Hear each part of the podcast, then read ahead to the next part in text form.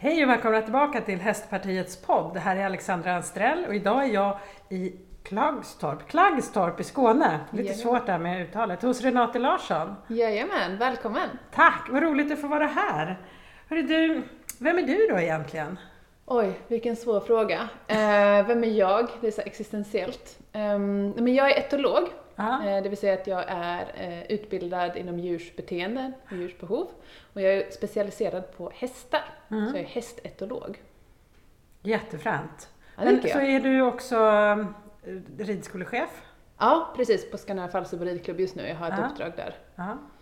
Och ehm, Och så driver jag ett eget företag, så jag är etolog i, i mitt eget företag. ja. när ringer man på dig då? Liksom? Ehm, när man har beteendeproblem med Mm. sin häst, det kan vara allt från aggression som jag tycker är särskilt intressant att jobba med till en häst som inte vill stå still vid uppsittning, ehm, inte trivs i flocken, som har, visar olika stereotyp, stereotypa beteenden. Allt möjligt. Varför vill en häst, eller det kanske inte finns något generellt naturligtvis, om de inte vill stå still när man kliver upp eller? Det kan finnas olika anledningar till det. Eh, Det kan handla om att, eh, rädsla för Ja. själva personen som sitter upp. Eh, Det kan vara ett obehag kopplat till den, den situationen, det momentet, att sadeln hade trycker på ryggen till exempel. Ja. Men det kan också vara ett inlärt beteende helt enkelt, att hästen aldrig har lärt sig stå Ja, still just vid uppsittning utan den har alltid lärt sig att så fort personen sätter foten i stigbygeln, då ska man gå iväg. Ja. ja, intressant. Det måste ju vara hur spännande som helst. Ja, det är det verkligen. Det är ett drömjobb. Eh, Jag älskar att kunna få jobba med hästar och med människor och framförallt få hästar och människor att förstå varandra bättre. Mm. Kunna förklara, ja men så här känner din häst just nu. Och så här kan du hjälpa din häst att tänka annorlunda, känna annorlunda i den Mm. situationen. Har det varit något, kan du berätta någon händelse som du har varit med och verkligen hjälpt att få till? Ehm, ja, ehm, vad ska jag välja som är värt att lyfta fram? Vi hade, jag hade en häst på tillridning hos mig, en nordsvensk som heter Mandel, eh, som var väldigt, väldigt eh, bakskygg eh, och rädd för att bli sutten på. Så så fort man bara tog i sadeln, drog handen över sadeln, lade lite vikt på, då sprang han iväg. Så det gick inte att sitta på honom. Eh, så han kom till mig för lite träning. Eh, och på ganska kort tid så var det inga problem eh, att kunna sitta upp på honom. Eh, utan huvudlag, lös. Mm. Han stod still, han var lugn och avslappnad. Och det kommer jag ihåg som ett väldigt fint minne. Att kunna få de här Det är ju alltid, oftast är ju beteendeproblem mycket mer subtila än så här, men i det här fallet var det så tydligt att hästen flydde, gick från att fly så fort, vid minsta liksom antydan till att få en människa på ryggen, till att inte göra det, Mm. utan frivilligt stå still och stå kvar och faktiskt kunna acceptera och trivas i den situationen. Det blev en väldigt tydlig förändring. Blev det så också när ägaren red Ja, sen? Det blev det. det, så, det så, att- för det kan ju ofta... Hästar är väldigt duktiga på att plocka upp eh, kontext, situationssignaler. Så att Mm. olika beroende på situationen, miljön runt omkring, personen, så kan beteendet se annorlunda ut. Ehm, därför kan det också vara lite vanskligt att man lämnar bort en häst på träning och så funkar det hos tränaren. Mm. Men sen när man får tillbaka den helt plötsligt, då är man tillbaka i gamla mönster. Mm. Eh, Eller så är det någonting i hemmiljön som triggar det här gamla beteendet igen. Eller man gör saker lite annorlunda så hästen inte förstår. Eh, Men det är ju också en, del i utmaningen som etolog och som tränare att då förbereda hästen för hemmiljön. Mm. Förbereda ägaren också. Mm, Så det är mm. inte bara så enkelt som att jag ska kunna sitta på den här hästen utan det handlar om att vem som helst ska kunna jobba Mm. på liknande sätt och sitta på den här hästen. Fränt. Jag tänker en annan situation som väldigt många, eller som jag upplever att väldigt många har problem med är just lasta hästar. Mm. Är det något du också hjälper till med? Ja, det gör jag. Eh, Det är väl kanske det vanligaste problemet Mm. som folk har. Mm. Ehm, och det är också det mest, det, det, man ska komma ihåg att det är helt normalt och fullständigt naturligt för en häst att inte vilja gå på ett släp. Ja. Eh, om man tittar utifrån vad en häst egentligen är biologiskt. En häst är ett flyktdjur, det vill säga de ska befinna, och de, deras biologiska nisch är ute på den öppna steppen. Så hästar vill inte gå in i trånga utrymmen där de kan vara fångade. De vill inte gå in i slutna utrymmen där de inte kan se ut. Mm. De kan inte se ut på savannen, hålla koll på när en eh, rovdjur närmar sig. Eh, de vill gå inte, in, inte gå in på instabilt underlag där de inte kan springa iväg om de behöver det. Mm. Eh, och de har svårt för kontraster. Alltså gå från ljus till mörker eller mörker till ljus. Mm. Och det är oftast det vi har i en, i en transport. och sen är de flockdjur så de vill inte lämna flocken och vi lastar ju och kör oftast ensamma. Mm. Så när man lastar en häst så tar man bort dem. Processen är så att man tar hästen från flocken, från det som är bekant och tryggt. Och så går man in i ett mörkt utrymme där hästen inte kan se ut och där den inte har någon möjlighet att fly. Där det låter konstigt och det är instabilt och överlag en väldigt skrämmande situation. Mm. Så jag, skulle, jag är nog mer förvånad att hästar går på släp än att de inte gör det. Mm. Och då behöver man helt enkelt jobba ganska mycket med att på ett systematiskt sätt vänja hästarna vid själva miljön i släpet men också att träna dem till att faktiskt gå på, på en signal från, från människan. Mm. Och jobba mycket grann med känslorna i det här läget. Att få, få hästen att koppla bort de här känslorna av rädsla, för det är ju vad det är, till istället positiva känslor i släpet. Jag tror att jag har sett någon film på någon man, eh, typ en cowboy eller liknande, som, eller hästviskare eller vad det nu är för någonting. Som just i hagen bara gjorde något tecken och så Ja. sprang hästarna på släpet. Ja.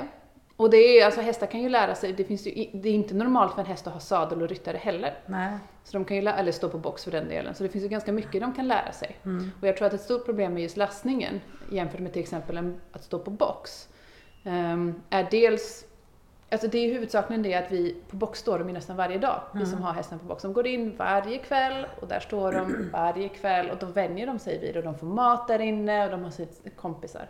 Och om man skulle jobba mer från starten med små, med föl och unghästar med hästtransporten på samma sätt, att det är som en box. Du går in där varje dag och där får du din mat och så får du med dig en kompis. Bara det skulle, tror jag, göra saker och ting mycket lättare för många hästar. Men vi använder ju släpet bara vid, när, när vi behöver det. Mm. Det är få hästägare som tänker på att lastträna aktivt. Mm. Man lasttränar för att komma till en punkt där man kan få på hästen på släpet, sen stänger man och åker. Mm. Men lastträningen måste man bibehålla hela tiden på samma sätt som vi trimmar hästarna på banan Mm. eller i ridhuset inför en tävling. På samma sätt ska vi trimma lastträning inför en lastning. Det ska vara en del av en vardags, vardagsträningen helt enkelt. Och då tror jag att vi kommer få mycket fler hästar som faktiskt kan acceptera eh, att gå på ett släp med mindre stress och mindre rädsla. Det låter så logiskt när du säger det. Det är väl tack och lov att Ja. det låter logiskt. Men du, jag har fått lära mig här av dig att eh, om man är etolog, det, finns, det är inte en skyddad titel utan nästan vem som helst skulle kunna kalla sig det. Ja, tyvärr. Ehm, och jag är ordförande i Sveriges akademiska etologer som är yrkesorganisationen för då, precis som namnet antyder, akademiskt utbildade etologer.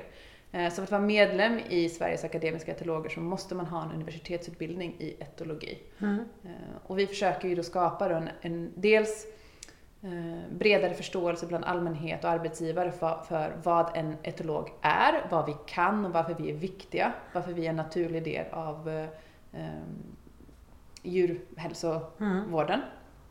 Men också eh, att, att få ut, alltså att människor ska förstå att om man anlitar en en etolog som är medlem i SAE, då får man också en person som har en gedigen akademisk utbildning, som följer gängse eh, praxis kring, kring eh, beteenderådgivning och träning.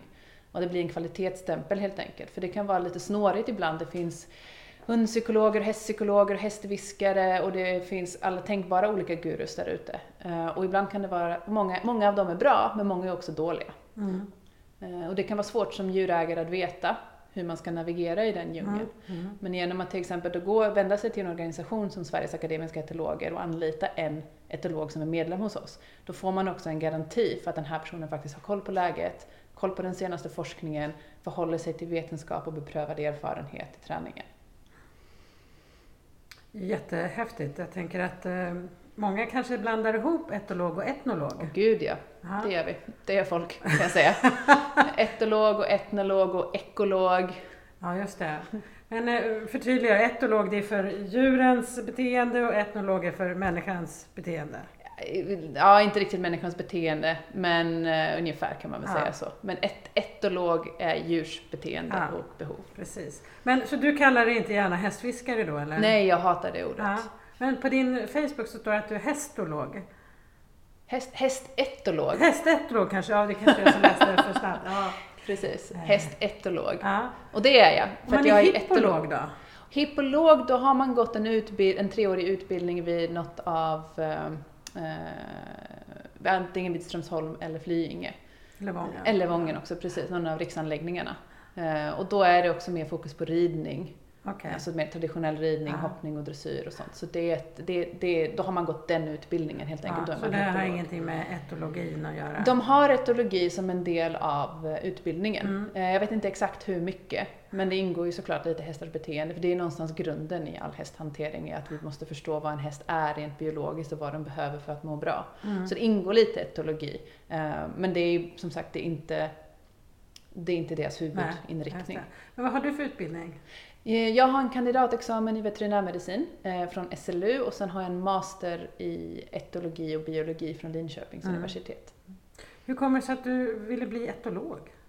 Men jag har alltid varit intresserad av just kommunikationen med hästar. Ehm, hästars beteende och att försöka förstå då hästar. Och det tycker jag är någonting, det är någonting som jag har saknat väldigt mycket när jag gick på ridskolan, när jag började lära mig om hästar, när jag skaffade min första egna häst. Att jag upplevde att det fanns så mycket det fanns så många olika metoder och filosofier och åsikter.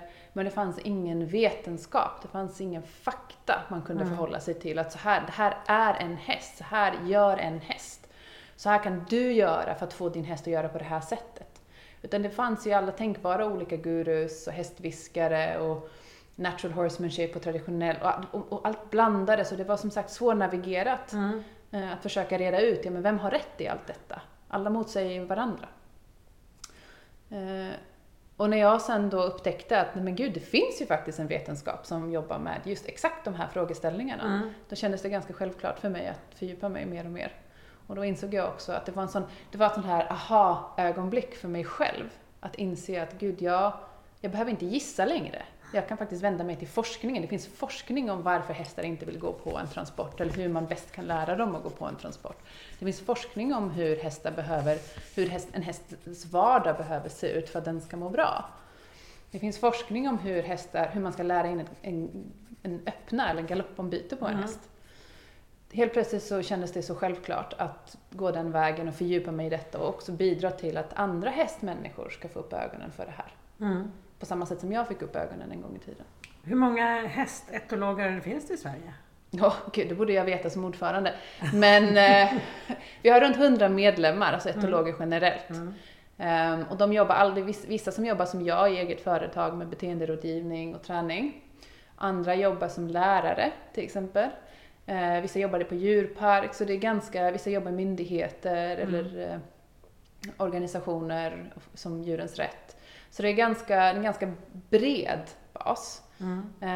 Eh, de flesta etologer är inriktade på hund skulle jag Mm. väl säga. Vi har några som är specialiserade på fåglar, på katt, på gris, på eh, djurparksdjur, alltså vilda djur, på häst. Men det är inte så jättemånga, tyvärr. Vi skulle Mm. behöva få in fler. Och sen har vi ju en del eh, forskare också, alltså etologer som forskar. Eh, som till exempel Elke Hartman vid Sveriges lantbruksuniversitet, Per Jensen vid Linköpings universitet, men han forskar mer på hund. Och sen Lina Roth vid Linköpings universitet forskar också på mycket på häst och hund. Eh, Och de ju, har ju en otroligt viktig roll, att Mm. hela tiden pusha vetenskapen, forskningen, ta reda på nya saker. Det var intressant. Men om jag har läst rätt nu, din första häst den var inte i Sverige? Nej, den var inte i Sverige, den var i Syrien av alla ställen. Ja. Hur, hur, Hur, blev, hur kom blev det så? dit? Ja, hur kom den dit? Ja, den föddes där. Frågan är hur jag kom Ja. dit. Så det, när jag var, det här måste ha varit gud, 90-talet, när jag var runt 10 år gammal så fick min mamma ett utlandskontrakt, hon jobbade på Ericsson då, som fick ett utlandskontrakt eh, för att jobba i Syrien helt enkelt. Så vi flyttade dit. Så enkelt var det. Och där, Mm. eftersom jag var hästtjej, fullfjädrad, eh, gick på ridskola här så hittade min mamma då en ridklubb där jag kunde rida där nere. mm. Och ganska snart så fick jag då en egen häst. Men rider man på ridskola på samma sätt där som här? Nej, utan där var det ju väldigt mycket, framförallt då, och jag skulle gissa fortfarande, nu har inte jag varit där på väldigt många år, ehm, tyvärr på, på grund av kriget. Eh, men då var det ju väldigt mycket en rikemanssport. Ja. Så det fanns ju ridklubbar där man kunde få undervisning, men det var ju inte den här ridskoleundervisningen som vi känner till, där man Nej. rider i grupp om nio, nio barn ehm, en gång i veckan. Följer ett specifikt utbildningssystem. Utan där, där var det ju mer att man hade en tränare och så var det en privat lektion Mm. och så hade, ja, fick man Mm. komma och, och rida. Och det var inte jättevanligt heller, det var inte många barn som gjorde det. Nej. Några enstaka och ganska många eh, utländska alltså barn. Mm. Det var det vanligaste. Det var inte, det är inte billigt att hålla på med hästar någonstans i Nej. världen, men framförallt inte, i- framförallt inte i Syrien och vanligt folk hade, för där, där, den, där hästarna de hade råd med var ju som arbetsredskap helt Mm. enkelt. Mm. Mm. De hade ju liksom inte råd, att lyx, råd eller tid att lyxrida på det sättet, utan det var förbehållet oss privilegierade utlänningar Mm. och några ur överklassen. Mm. Så det ska vi egentligen vara ganska glada och stolta över i Sverige. Den, eh, Att det är så tillgängligt, Ja. absolut. absolut. Mm. För det finns ju många, man får mycket positivt av interaktionen med hästar. Mm. Ja, verkligen. Djur generellt, men framförallt hästar. Och eh, föreningslivet kring ridskolan, man lär sig mycket. Man lär sig för livet helt enkelt. Så det är Mm. verkligen någonting vi ska vara stolta över. Men och också någonting vi ska förvalta för framtiden. Eh, Och inte bara förvalta för framtiden, utan förändra Mm. för framtiden. Kommer vi alldeles strax till här med hur en modern ridskola skulle kunna se ut, tänker jag. Men först vill jag ändå fråga, den här hästen som du hade där, den tog du med därifrån? Det gjorde jag. Hur- Ja, Berätta. ja. Ehm, jag skulle börja på veterinärprogrammet då. Det var 2000, Uppsala? Precis, i Mm. Uppsala. 2007 måste det ha varit. Eh, och jag hade inte råd att flytta den hästen. Då bodde jag nere i Syrien då. Flyttade dit efter gymnasiet. Då hade jag inte råd att ta med mig hästen på något eh, annat konventionellt sätt. Så då gjorde jag så att jag valde att eh, rida hela vägen. Ehm, och det är egentligen Hur lång Det- tid tog det? det tog två månader men då lyfte jag så mycket jag kunde längs med vägen med, någon hade någon hästtransport och någon hästlast, hästbuss som skulle Mhm. hit och dit. Mm. Och, och lite så, så jag fick ju ganska mycket hjälp på vägen. Ehm, Så det handlade ju liksom aldrig om att, poängen var ju aldrig att rida, poängen var ju att få hit min häst på ett Mm, lämpligt mm, sätt. mm. Så jag började, jag började gå en morgon eh, norrut. Och efter några, några månader senare Men så var jag framme. Du måste ju ha varit med om fantastiska upplevelser, tänker jag. Var, var Ja. du aldrig rädd alltså, för din Jo, egen säkerhet? ja, nej, men jag var ju 20, då är man inte rädd för sin egen säkerhet. Det är det. Idag hade jag ju varit helt livrädd, idag hade jag nog inte gjort det. Men det är ju en, en stor fördel med att vara ung, att man har liksom en helt annan, man har liksom inte riktigt insett sin egen dödlighet ännu. Mm. Så det är klart att jag var ju, hade ju, jag hade ju en medvetenhet om vissa risker. Jag Mm. hade ju med mig, jag hade ju med mig en kniv, en ganska stor kniv. Jag sov med kniv under kudden i sovsäcken hela tiden. Och jag var, jag var ju medveten om riskerna framförallt um, med främmande män Mm. om man var ensam. Men jag hade också väldigt mycket tur ska jag säga. Jag träffade i princip genomgående hjälpsamma, trevliga, ärliga människor Mm. som hjälpte mig. Mm. Ehm, och det är jag väldigt tacksam för idag kan jag säga.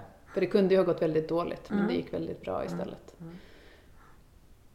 En eh, sån upplevelse att vara på ridande fot i två månader, det måste ju ha gett dig eh, en hel del eh, styrkor, men också att du har fått lärt känna dig själv Mm. en hel del. Absolut, det var ju mitt livs tror jag, två lyckligaste månader måste jag ändå säga. Mm. Det finns ju någonting, det, finns ju, det, fin, det är någonting med det här att vakna på morgonen och vara tacksam över att ha en ny dag framför sig och leva den dagen med fokus på att överleva dagen och kunna gå och lägga sig på kvällen. Och den, det blir nästan ett mindfulness i sig, i detta, Mm. eh, som jag kan sakna lite granna. Det blir väldigt avkopplande på ett sätt, för stressen är så akut och omedelbar. Vart ska jag sova, vart ska jag äta? Men när det är löst, då finns det inte så mycket annat att oroa sig för. Det finns inget inplanerat i kalendern, inga möten, Nej. ingen jobbig chef någonstans. Utan det är, ja, så, tra- så traskar livet på. Ganska fort Ja. så vänjer man sig vid det också, att inte duscha, Mm. att tvätta sig i någon liten bäck någonstans Mm. i Karpaterna, att äta det som erbjuds. Mm. Inte det här, åh gud har jag något snask hemma? Jag ska äta ikväll. Nej, men det, det, det som dyker upp helt Mm. enkelt. Man tar det lite grann mer varje dag på sitt sätt. Det kan jag sakna. Mm. Det har jag inte lyckats hitta tillbaka till med, gud nu låter jag helt som någon form av eremit, men det har jag inte lyckats hitta tillbaka till med den här moderna livsstilen. Det kan jag Nej. verkligen sakna. Så du kan förstå de här som åker och, och går en sån här... eh, Pilgrimsvandring, Ja, precis. gud absolut. Men Mm. pilgrimsvandring är också lite annorlunda tänker jag, för pilgrimsvandringen har ju ett sånt uttalat syfte och mål. Ja. Och här var det ju, visst det klart det fanns någon form av grundläggande mål. Men det fanns egentligen inte, det försvann någonstans längs vägen. Till slut så gick jag ju bara för att gå. Ja. Inte för att jag, jag hade ju ingen tid att passa, jag hade ju inte bråttom någonstans. Jag skulle bara ungefär norrut. Någon grundläggande kompassriktning Ja. norrut. Det var ju liksom allt. Ja. Så jag tänker nästan att det... Men vad sa din mamma om det här? Ja, hon visste inte om det. Nähä, Nej, gud nej. Det Då hade hon aldrig... tur. Ja, det tror jag inte hon hade gått med på. Så hon fick reda på det, jag tror att un, under tiden, Ja. utmed vägen. Men det här det var ju också 2007, det fanns ju inga mobilmaster som täckte Nej. mitt ute i skogarna. Så det fanns ju inget sätt att få tag på mig heller. Då var det ju bara att hoppas att det skulle komma fram i andra ändan. Ja. Jag kommer ihåg jag red vilse en gång när jag var liten. Eh, och eh, hästen gick ner sig i ett kärr Oh. så att eh, han satt fast. Och jag kunde inte Gud. lämna honom. Så jag fick ju vara där och tänkte att någon kommer väl Ja. någon gång. Men Ja. alltså, det var ju inte förrän mitt i natten de hittade mig. Men jag kommer ihåg hur oroliga mina Ja. föräldrar var. Ja, Och de som ägde hästen. Ja. Ja. Alltså sådär. Tänkte, det måste ju varit något, precis. Fast tänk dig det där fast två månader då. Ja, precis. Jag känner fram. som eh, mammahjärta så skulle man få hjärtinfarkt Ja, direkt. kan jag tänka Ja. mig. Det var nog inte schysst gjort från min sida min mor. Men eh, som sagt, när man är 20 så tänker man inte riktigt så, Nej. så mycket på sådana saker. Man är lite mer fokuserad i stunden. Mm. Eh, För mig var det väldigt viktigt att göra det här. Jag hade bestämt mig och jag är väldigt glad att jag gjorde det också. Jag är glad att det gick bra med. Mm. Idag hade jag kanske inte gjort det. Nej. Inte på samma sätt i varje fall. Ja, men då är du nu eh, hästetolog och eh, jag har förstått här, vi har pratat lite innan, innan vi började spela in podden, just den här vikten av att faktiskt försöka minska klyftan mellan forskning, alltså det Mm. vi vet om Precis. hästar och, och hur man faktiskt gör. Ja. Hur, hur ska man göra det då? Och liksom, vad är det du vill få fram? Det finns... Det, ett stort ansvar vilar på etologer. Både forskare eh, och liksom institutioner där de forskar på att faktiskt pumpa ut den kunskap som finns, den senaste forskningen, på ett eh, populärvetenskapligt sätt så att det är liksom tillämpbart för Mm, vanligt hästfolk. Det tror jag är ganska viktigt med forskning, att den är tillämpbar. Det ska inte bara vara um, statistik, utan det ska vara okej, vad betyder det här? Hur ska jag omsätta det här? När jag står där ute med Brunte i stallet, hur ska jag ta den här forskningen och omsätta den i Bruntes vardag? I min hantering av Brunte. Eh, Så både forskarna men också vi etologer som, jobbar, som just jobbar praktiskt. Vi har ett jättestort ansvar att försöka att förklara forskningen egentligen. Det här, bety- det här innebär detta, så här kan du tänka. Och så är det ju med forskning, att den är ofta kontrollerad och utgår ifrån specifika situationer, kontrollerade miljöer. Så måste man göra för att det överhuvudtaget ska kunna vara pålitlig forskning. Men de miljöerna uppstår ju inte alltid. I, i vardagen så är det verklighet. Mm. Och då är saker och ting, det händer oväntade saker, man, har, man står i ett inackorderingsstall där det kommer och går hästar och nya människor hela tiden. Man har bestämda fodringar, man har tilldelade hagar, man har inte så mycket yta man skulle vilja ha. Så, så är verkligheten. Och där behöver vi etologer som jobbar praktiskt bli bättre på att hjälpa människor prioritera. Så, här, Mm. okej, så här säger forskningen. Forskningen säger att det bästa för hästar är att få gå i stor flock, eh, ute dygnet runt, fri tillgång på mat, stora ytor. 330-340 kvadratmeter per häst minst. Gott, jättebra. Kommer inte funka i realiteten. Ytterst få stall Mm. kan tillhandahålla de här Mm. förutsättningarna. Men då... Så inre Norrland eller något? Ja, men ungefär så. Men då är det ju våran roll som etologer att titta på det här och säga okej, hur ska vi ta det här nu och tillämpa det i din verklighet med Brunte här? Mm. Så här ser, vad har du? du har, så här ser stallet ut, så här ser hagen ut, så här ser förutsättningarna ut. Okej, då ska vi se, hur kan vi jobba så att Brunte ska få ha det så bra som möjligt, men utan att du ska behöva vända upp och ner på hela din tillvaro och alla andras Mm. tillvaro för detta. För någonstans handlar det ju lite grann om att utgå ifrån verkligheten. Vi kan ju inte, vi kan inte be människor trolla. Nej. Och det, och det måste vara våran roll som etologer. Men sen tycker jag också att det finns ett stort ansvar hästtidningar, och där framförallt Hipson ska få en eloge Eh, nu, för jag tycker att de, de plockar in Elke Hartman som expert, etolog, och hon skriver ju jättefina utförliga svar där hon förklarar just väldigt fint hur man ska förhålla sig till forskningen om man har beteendeproblem. Vad betyder det här egentligen i praktiken? Eh, de har gett ut en hel liksom, extra bok som handlar just om etologi där de har samlat olika artiklar. De intervjuar etologer, jag har varit intervjuad flera gånger på olika artiklar och mina kollegor också. Så de pushar ju det här jätte, jättemycket. Stor eloge. Veterinärförbundet också, stor eloge. De hade temanummer nu i senaste veterinärtidningen om just etologi och beteende. För veterinärer får inte mycket, jag har ju gått veterinärprogrammet de första tre åren. Eh, Det är inte mycket etologi man får helt enkelt. Eh, och många veterinärer kan inte så mycket om djurs beteende. Nej. Det är inte deras expertområde helt enkelt. Man kan inte kunna allt om allt. Så det finns en jättebra... Men det låter lite konstigt att man inte har etologi på en veterinär... De har, det finns etologi, Ja. men det är inte så mycket. Nej. Och det är helt enkelt, man måste försöka få in, på fem och ett halvt år ska man försöka få in så mycket kunskap att efter de här fem och ett halvt åren ska den här människan kunna operera på en hamster, på en häst, på en ko och på en hund. Och då finns det inte så mycket utrymme för att och, och dessutom jobba på Livsmedelsverket med livsmedelskontroll, Ja. kunna jobba på slakteri, kunna jobba på myndighet. Det är som sagt, så att Så här, tusen det konstnärer. är tusen konstnärer är vad våra veterinärer är, så det kanske inte ska ligga på dem heller att vara experter på, dessutom på djurs beteende också, utan där finns ju vi etologer. Mm. Och jag tror att det finns en otrolig synergi i att veterinärer och etologer börjar samarbeta mer. Eh, Det finns ju några veterinärer som börjar eh, specialisera sig lite på beteendeaspekter. Ehm, Albano i Stockholm, djursjukhuset där, eh, har Elin Lindell, tror jag hon heter, en veterinär som är specialiserad på eh, just lite beteendeutredningar. Mm. Anja Törnqvist eh, jobbar också mycket med beteendefrågor. Malin Kiel, en veterinär som jobbar mycket med hästar. Och klickertränare också, ganska duktig på positiv förstärkning, eller väldigt duktig på positiv förstärkning och jobbar mycket med så fear-free koncept och sånt. Så det händer lite grejer där, men det tar tid. Mm. Men där har, vet jag att Veterinärförbundet har ju pushat etologi väldigt, väldigt mycket, just det här samarbetet mellan Mm. veterinärer och etologer. Eh, och det är jätteviktigt, för jag som etolog, jag är skyldig att utreda smärta som första. Om jag får in en häst som är aggressiv, min första måste vara utred smärta. Det måste vara det allra första, min första tanke. Det finns en enormt stark koppling mellan just aggression och smärta hos både hundar och hästar. Mm. Men jag som etolog, jag har inte möjlighet att utreda smärta, jag kan inte skriva ut smärtstillande. Nej. Jag kan inte göra en veterinärundersökning. Jag behöver kunna referera, remittera patienten till en veterinär. Och den veterinären måste ta min remiss på allvar. Och där kan det fortfarande, tycker jag, saknas lite grann. Mm. Eh, I varje fall på hästsidan. Att mycket, man, det finns fortfarande den här inställningen att hästar beter sig illa för att de testar, för Mm. att de... Det, det här liksom att det på något sätt skulle vara en karaktärsbrist hos hästen. Mm. Ehm, och det kan man i princip avskriva. Det är, det är, Är det aldrig, det är aldrig en karaktärsbrist hos hästen, Nej. utan är hästen aggressiv så är det för att den har ont, eller för att den på något annat sätt upplever ett mentalt eller fysiskt obehag. Ehm, och så finns det, eller för att den inte får sina grundläggande behov uppfyllda. Men smärta måste alltid vara först upp i hierarkin, det första man utreder.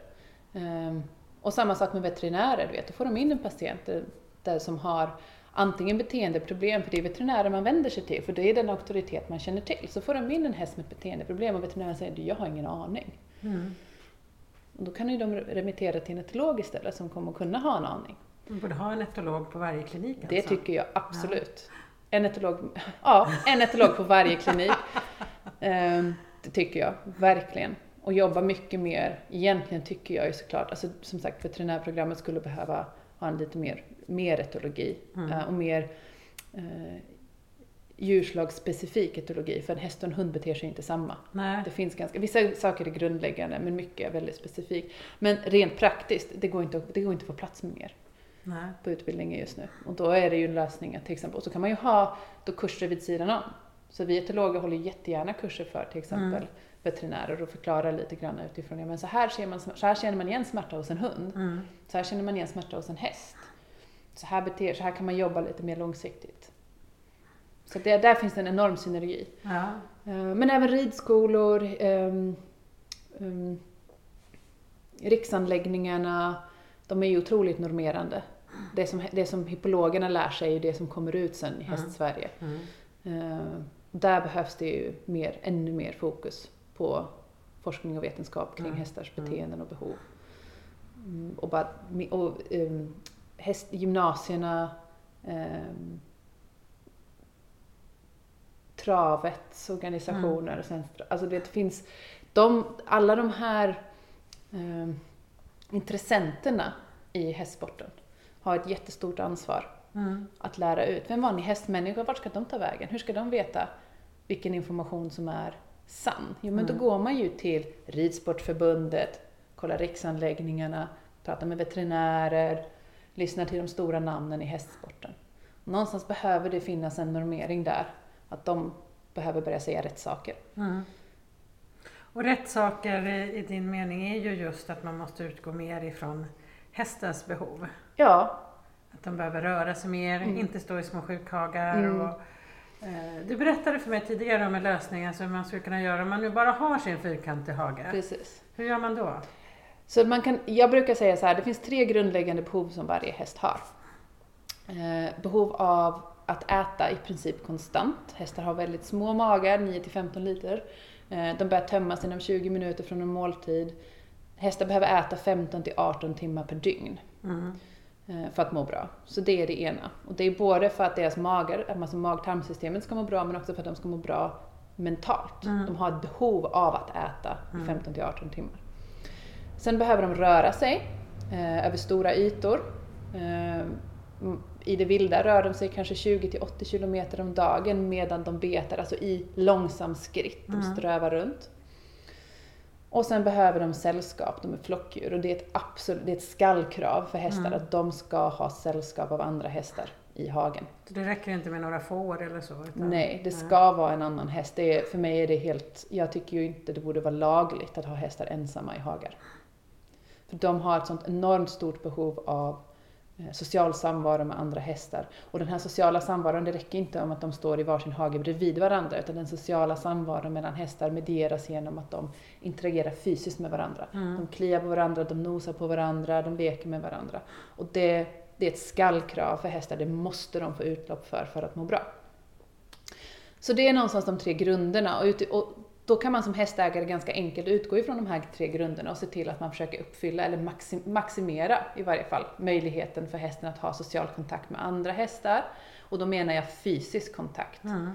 Ehm, maximera rörelsen och maximera ättiden.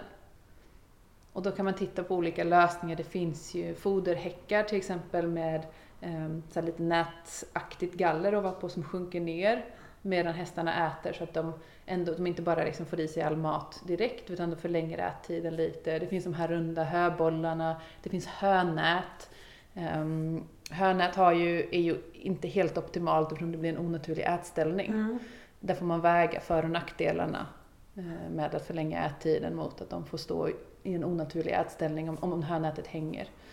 Eh, Man kan lägga in sly i hagen eh, så hästarna är lite att tugga på. Man kan lägga ut, det, tids, det tar tid, man kan lägga ut mini-mini-tussar med hö istället för att lägga ut allting i en hög på marken. kan man lägga ut jättesmå tussar så att hästarna nästan får gå runt och beta höet Mm. från marken och pilla med det. Eh, Man kan hitta sätt att dela upp hagen lite grann på istället för att ha bara en liksom ruta så.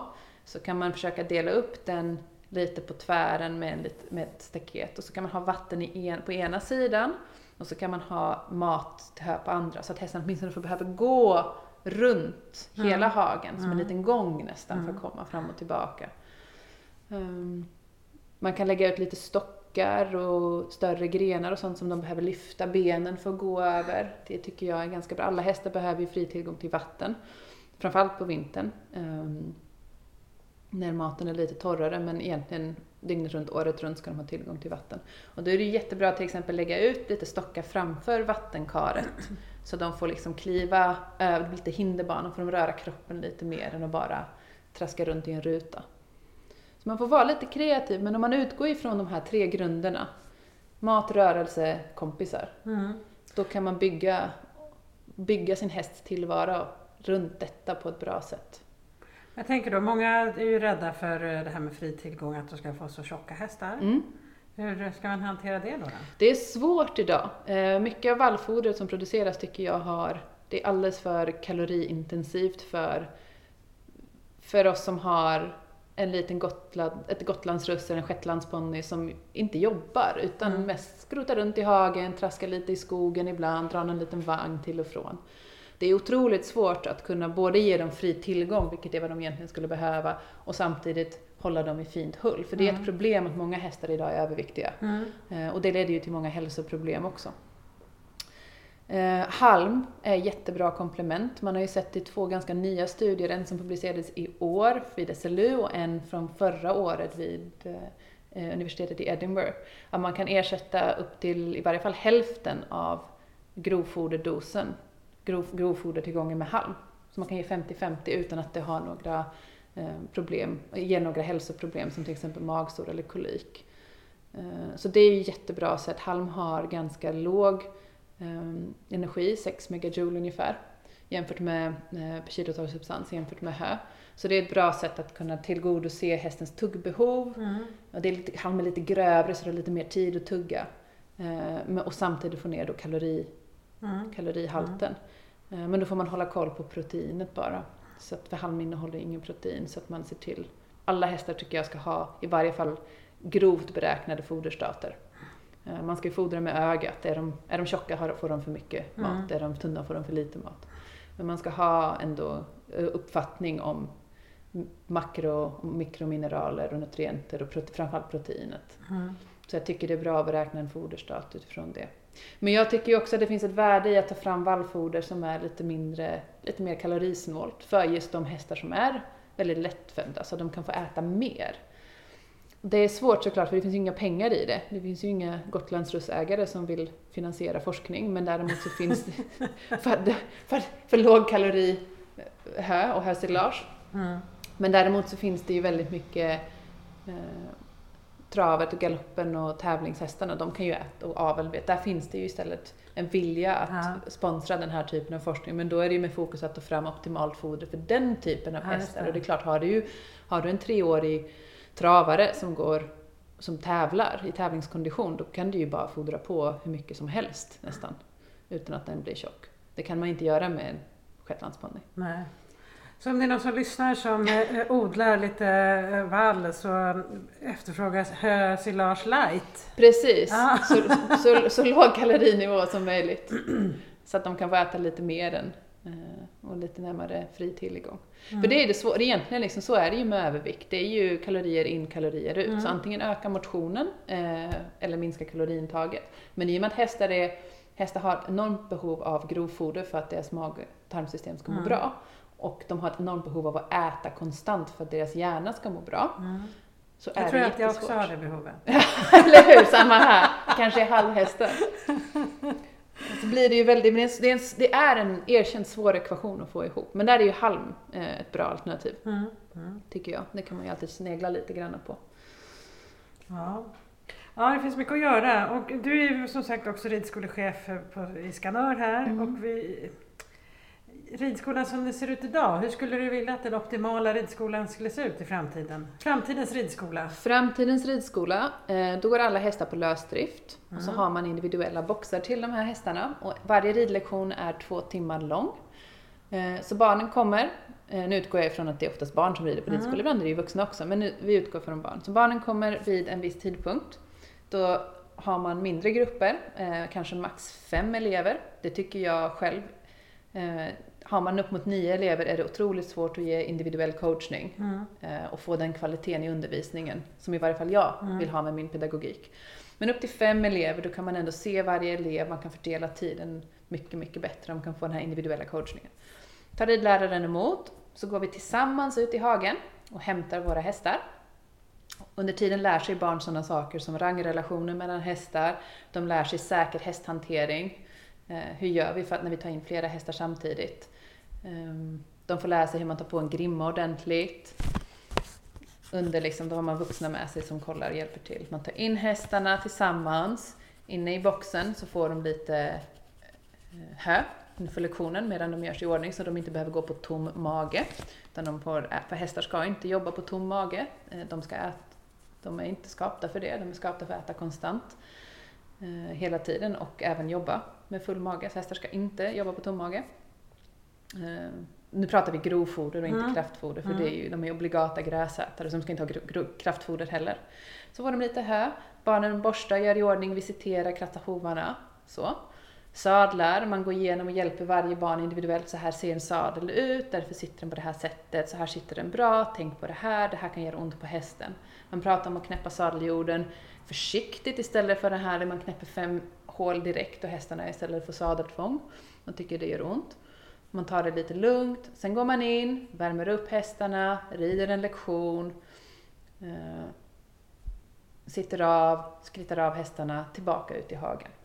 Och på det sättet så, och sen så har man då kanske sin häst eh, några veckor. Under den tiden så är man med på sådana saker som att en, varje lektion är inte ridning. Vissa lektioner är idag ska vi longera den här hästen.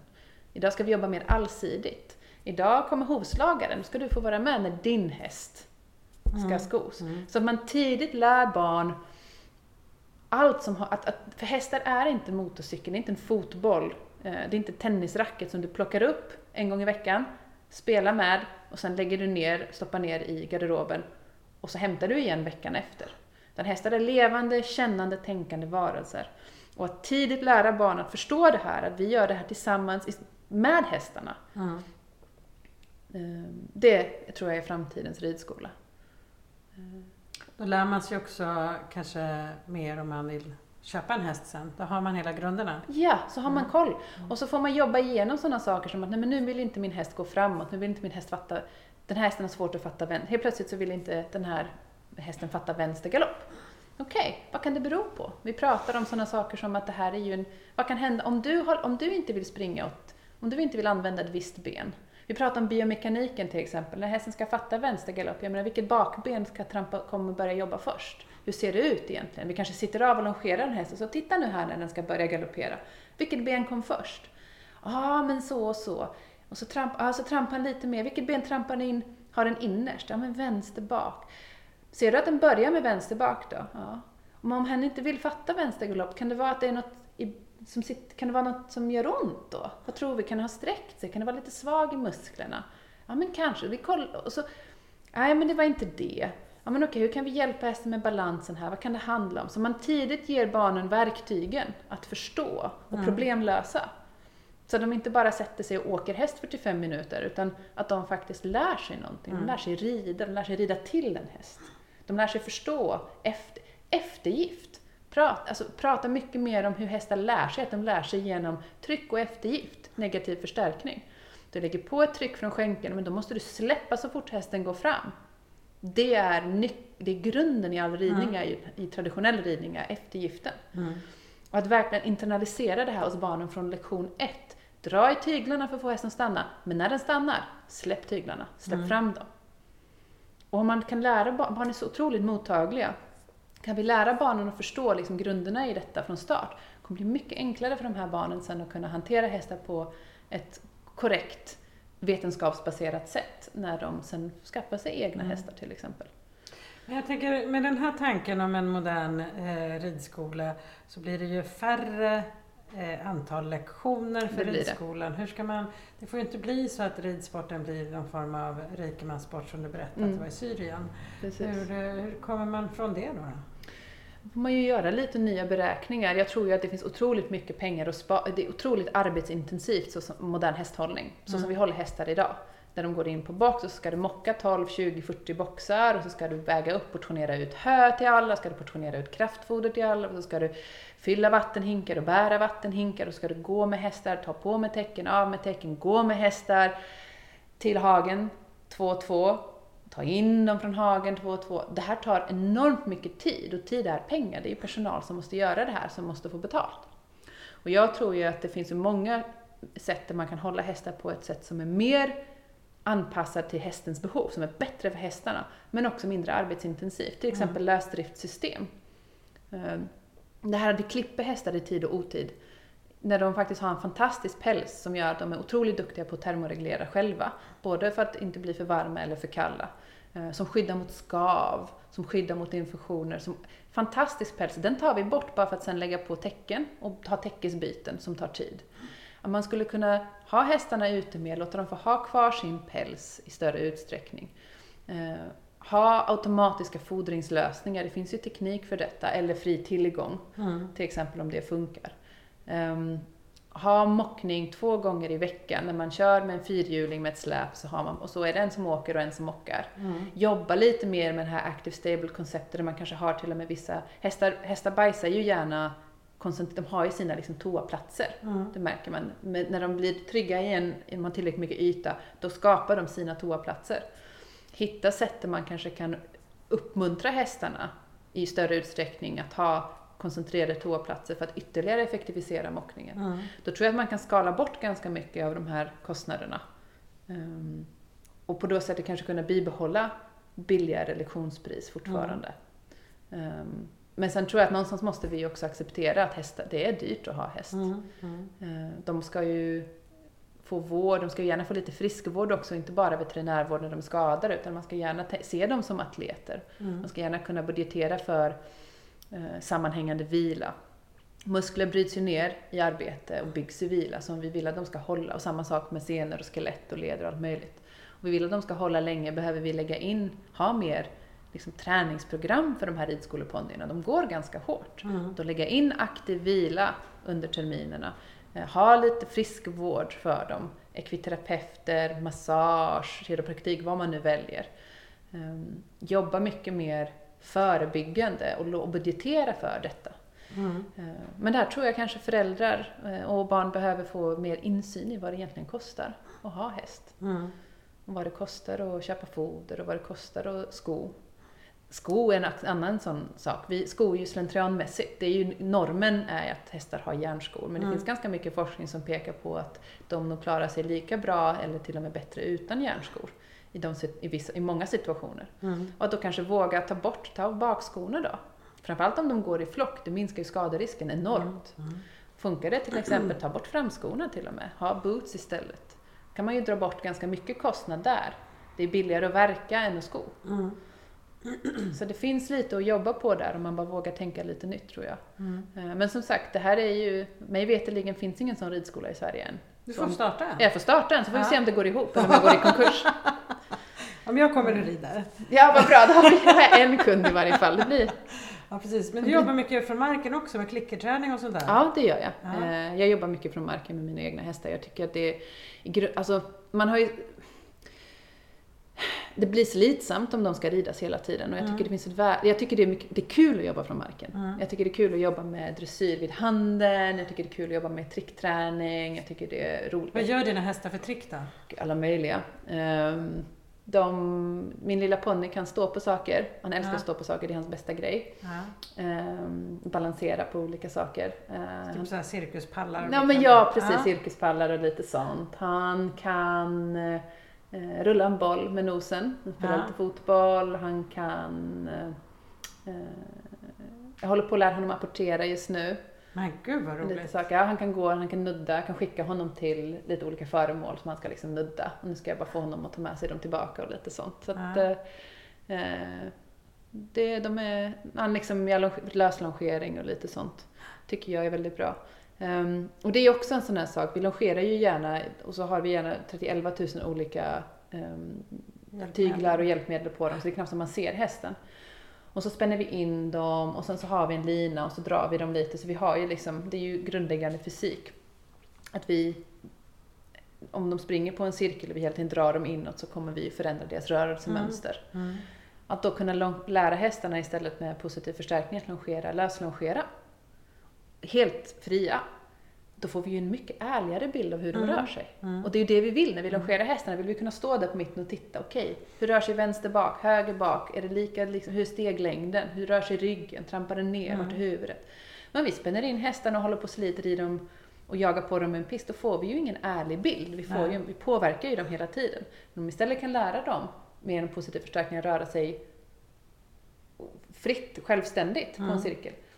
Det blir ju mer värdefull information då. Mm. Och sen, men jag skulle vilja att fler människor fick upp ögonen för hur kul det är att göra saker med hästar från marken och hur relationsbyggande det är framför allt. Eh, vi vill ju, det är viktigt för alla hästmänniskor att ha en bra relation och jag tror att väldigt många känner det här. Man är inne i den traditionella hästvärlden men man känner att så här, det är någonting som skaver lite, lite grann hela tiden.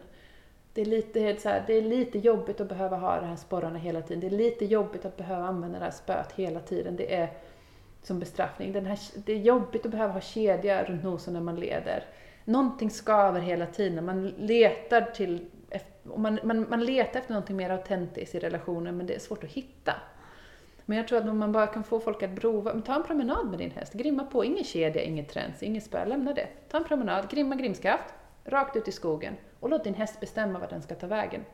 Observera din häst, vad tycker den om? Vart stannar den och betar? Vilket gräs? Vilket träd tycker den om att äta löv från? Tycker den om att utforska själv eller tycker den det är lite läskigt? Vill den gärna gå bakom dig? Vill den gå över stock och sten eller vill den gå på stigar? Och ha såna, I hundvärlden har man så decompression walks. Mhm. ehm, ett, ett koncept där man bara går ut på hundens villkor. Så någon promenad om dagen eller i veckan eller vad man nu kan erbjuda är helt på hundens villkor. Så åker man till en plats där man har möjlighet att låta hunden ha ganska lös eh, tygel, höll jag på att säga. Vad heter det på hundar? Eh, Koppel. koppel heter det på hundar. ganska löst koppel och så får hunden sniffa vad den vill, hur länge den vill, den får gå och traska om man bara följer med. Det tycker jag är så underbart och jag skulle vilja att folk gjorde det med sina hästar också. Hästpromenader istället för hundpromenader. Ja, precis. Och bara, vad vill din häst göra idag? Ingen mobiltelefon. I, exakt, ingen mobiltelefon, ingen plan, utan bara så. Och vill de inte lämna gårdsplan för du tycker det är läskigt, ja, men då står vi här en halvtimme, får du stå och titta på en traktor som åker förbi eller något sånt. För det är berikande för hästarna. Vi, kanske, vi vill ju gärna, vi har ju lite prestationsgrejen, att så här, nu ska vi lära oss vet, nu ska vi träna, nu har vi hemläxa, nu ska vi göra det här. Vi vill hela tiden se lite resultat och kvitton på det vi gör. Vi vill rikta hästarna och då vill vi se att de är rena. Vi vill fläta svansen för då ser vi att den är flätad, då känner vi oss som bra hästägare. Mm. Eh, Vi, vill hela, vi har hela den här framåt, framåt, utveckling, progression. Eh, Men det är inte naturligt för hästar. De har ju, alltså en häst kan, kan ha en flätad svans eller inte ha en flätad svans, det skiter ju den i. Mm. Eh, Men det som är viktigt för hästar är kanske då att kunna få strosa runt och utforska en ny stig i skogen. Mm. Utan stress, utan tvång med sin människa. Få stå och beta lite i vägkanten i 30 minuter, det är nog mer berikande än hur mycket spa och massage och, och. Mm. och hur mycket träning som helst. Och jag tror att om man kunde liksom försöka våga lite, vara lite mer den hästmänniskan, jag tror att många skulle älska det, men det, det, det är så, man är så udda då. När jag är ute och går med mina hästar, då är det alltid någon som frågar, "Ah, ska du inte rida? Nej, så. Eller så får man, du vet, "Ah, vilken stor hund du har. Ja.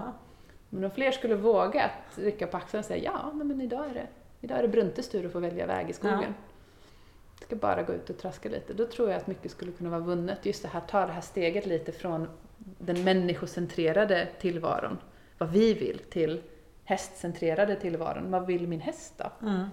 Vad skulle, för om man frågar, alla som lyssnar på det här som är hästmänniskor, ställ er själva frågan, vad tycker min häst om att göra? Om min häst fick välja själv vad den skulle vilja göra idag, vad skulle den göra då? Mm. och se om ni kan svara på det. Och sen trycktesta det svaret.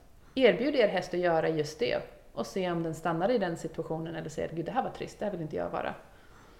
Vad spännande. Jag känner att jag behöver åka upp till Jämtland till min häst. Och ta en promenad i skogen.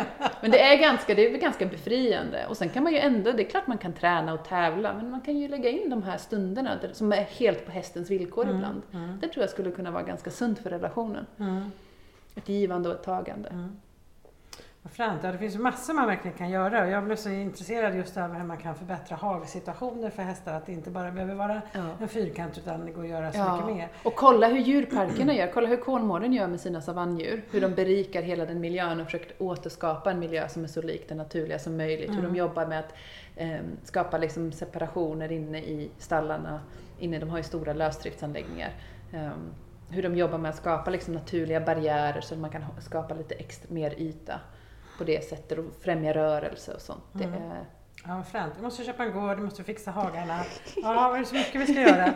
Men du, inom eh, hästvärlden, hästnäringen, så finns det också väldigt mycket man kan göra. Och det spänner ju allt ifrån att vara hästetolog till att Ja. odla vall eller Ja. man är, eh, jobbar på ridskola Mm. eller man gör massa olika saker. Jag tänker, vi försöker ändå lyfta fram frågor som hur skulle man kunna förbättra för hästnäringen i Sverige? mm. Och eh, du som har en sån här bred eh, kunskap nu då om Mm. eh, hästar och hästvärlden och så Mm. vidare. Och du är också egenföretagare. Om du blev minister Mm. i Sveriges regering och Mm. skulle ansvara för de här frågorna, vad skulle du bestämma för att förbättra för Sveriges hästnäring? Jag skulle förbjuda folk att ha hästar ensamma i hagen. Ja. Och det är, jag vet att förbud är alltid vanskligt i politiken. Man ska komma ihåg att vi är lite utifrån även det moderata förvaltarskapsperspektivet där vi ska förvalta naturen och vi ska ta hand om naturen och om djuren. Så har vi ett stort ansvar och forskningen är fullständigt 100% entydig i detta, att hästar ska inte vara själva. Ehm, Det finns, liksom, det finns ingen gråzon. Mm. Det är 100% svartvitt. Hästar mår dåligt om de är socialt isolerade. De behöver, det är ett skallkrav för hästar, Mm. de behöver vänner och kompisar. Men det finns också många fördelar med detta även, ut, även, även för andra än hästarna, även för liksom hästnäringen i stort. För stress är kumulativt, stress är inte allt eller inget. Utan varje situation som, där hästarna inte får utlopp för sina naturliga behov är ett litet stresspåslag för dem.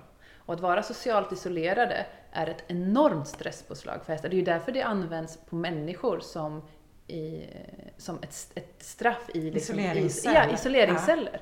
Det är för att det är så fruktansvärt, så fruktansvärt nedbrytande. Så fruktansvärt negativ situation. Och då är det ändå vi människor som kan kognitivt förstå vad det är vi har gjort fel och varför det här händer oss. För en häst som dessutom är ett mycket mer utpräglat flockdjur än människan, så är det ett brutalt straff som de inte ens kan förstå. Um, och det leder till enorm psykisk påfrestning mm. på hästarna. Kan man bara ta bort den här lilla, lilla psykiska påfrestningen på hästarna, förutom alla liksom hälsofördelar av att de faktiskt kan få röra sig lite mer i sällskap av varandra, klia lite på varandra, um, så kommer vi ju få mycket friskare hästar mm. och gladare hästar. Eftersom stress är kumulativt, det läggs ju på. Så har du hästar som, du har hästar som går ensamma, det är en social stress, stort stresspåslag. Sen, har de, sen kanske de står hungriga hela natten, för vi tar in dem på natten och sen står de och stirrar in i en vägg i åtta timmar. Ja, då har du ytterligare en stress på det för att de är hungriga. Sen går de i små grusrutor som inte får utlopp för sitt rörelsebehov, då har vi ytterligare stress på det. Och helt plötsligt har du en häst som får magsår. Schmack, mm. bara så. Bara av allt det här. Och sen, som man ändå tror att man gör för att man är snäll mot hästen. Ja, precis. Så det, det finns ju ingen illvilja i detta. Jag tror det bara mm. handlar om bristande förståelse och kanske lite den här lite feghet att bryta mot det som är praxis och norm. Mm. Men det måste man våga göra när normen faktiskt är så dålig. Mm. Så fel. Så jag tror att det skulle ha ganska mycket fördelar. Och för hästnäringen också, har man friskare hästar, då presterar de bättre på tävlingarna, de presterar bättre eh, på lektionerna som ridskoleponnyer, de presterar bättre i aveln och så där håller det på. Mm. Um, så det tror jag, det skulle nog vara mitt första, mitt ja. första av många ja, beslut som hästminister. att ha dig som hästminister. Precis. Ja. Men eh, eh, vi får jobba på helt enkelt med att liksom, eh, minska det här glappet med det vi mm. vet och hur man faktiskt gör sen. Att mm. använda sig av vetenskap för mm. att eh, bli bättre. För mm. hästens skull. För hästens skull, men också för våran skull. Hästar är en otrolig en kulturbärare för oss. Otroligt mm. viktiga för oss, kulturellt och socialt. Mm. Och emotionellt för oss som individer. Vi vill ju att våra hästar ska må bra. Det är det det hela går ut på. Och då kan man få ännu bättre verktyg för att få sin häst att, mm. kunna hjälpa sin häst att må bra. Det är det som är så svårt, du var inne på det tidigare, man får så mycket råd och står man i ett stall och alla har, tycker och tänker och kommer med mm. inputs och så tänker man så här, ja den verkar ju duktig den här människan, mm. ska lyssna på mm. den kanske. Speciellt om man är ny mm. hästägare eller om man mm. bara kanske är en hästmamma eller en hästpappa och, mm. och, inte alls har så mycket ja. erfarenhet. Det är så lätt att gå vilse. Det är jätte, jättelätt att gå vilse och det är otroligt svårt att veta vem man ska lyssna på. Och då är mitt tips, ring Sveriges Akademiska Etologer. Mm. Så kan ni lyssna på dem. Perfekt, man kan också gå in på den hemsidan. Ja, precis. Ja. Och där finns det också etologer man kan komma i kontakt ja. med. Och vi har en Facebook-sida där vi just nu har en julkalender på gång. Aha. Med ett inlägg om dagen om djurs beteende, lite så här Lite om varför hundar lägger huvudet på sned till exempel när de lyssnar. Lite om vad det betyder när hundar viftar med svansen egentligen. Det betyder inte att de är glada alla gånger. Uh Jag har ett inlägg om varför hästar blir aggressiva. Så då kan man kika in och läsa lite. Då får man gå in på den eh, på Facebook. Ja, det känns som att vi har massor att lära helt enkelt. massor att förmedla runt om i, i, landet. Men du, stort tack för att jag fick eh, komma hit. Tack så jättemycket för att du ville komma hit. Men en sista fråga förresten. Om man nu vill liksom ha kontakt med dig och anlita dig som, eh, ja. med hjälp, vart vänder man sig då? Man kan vända sig till mig via Facebook, man kan vända sig till mig via min Instagramsida, min företags Instagram. Som heter? Renate Larsen. Mm. Kan man hitta mig där. Um, och så kan man också hitta lite info på min eh, hemsida www.hippologiskt.com. Hippologiskt? Yes. Ja. Så där kan man, det är tre ingångs, ja. ingångsportar. Ja. Mm. Häftigt! Jag vill bara ta med dig i fickan och ha med dig till hästen nästa gång. Och till hunden! ja, men som sagt, stort tack för att jag fick komma och till er som lyssnar. Nästa vecka blir det såklart ett nytt spännande avsnitt av Hästpartiets podd. Tack!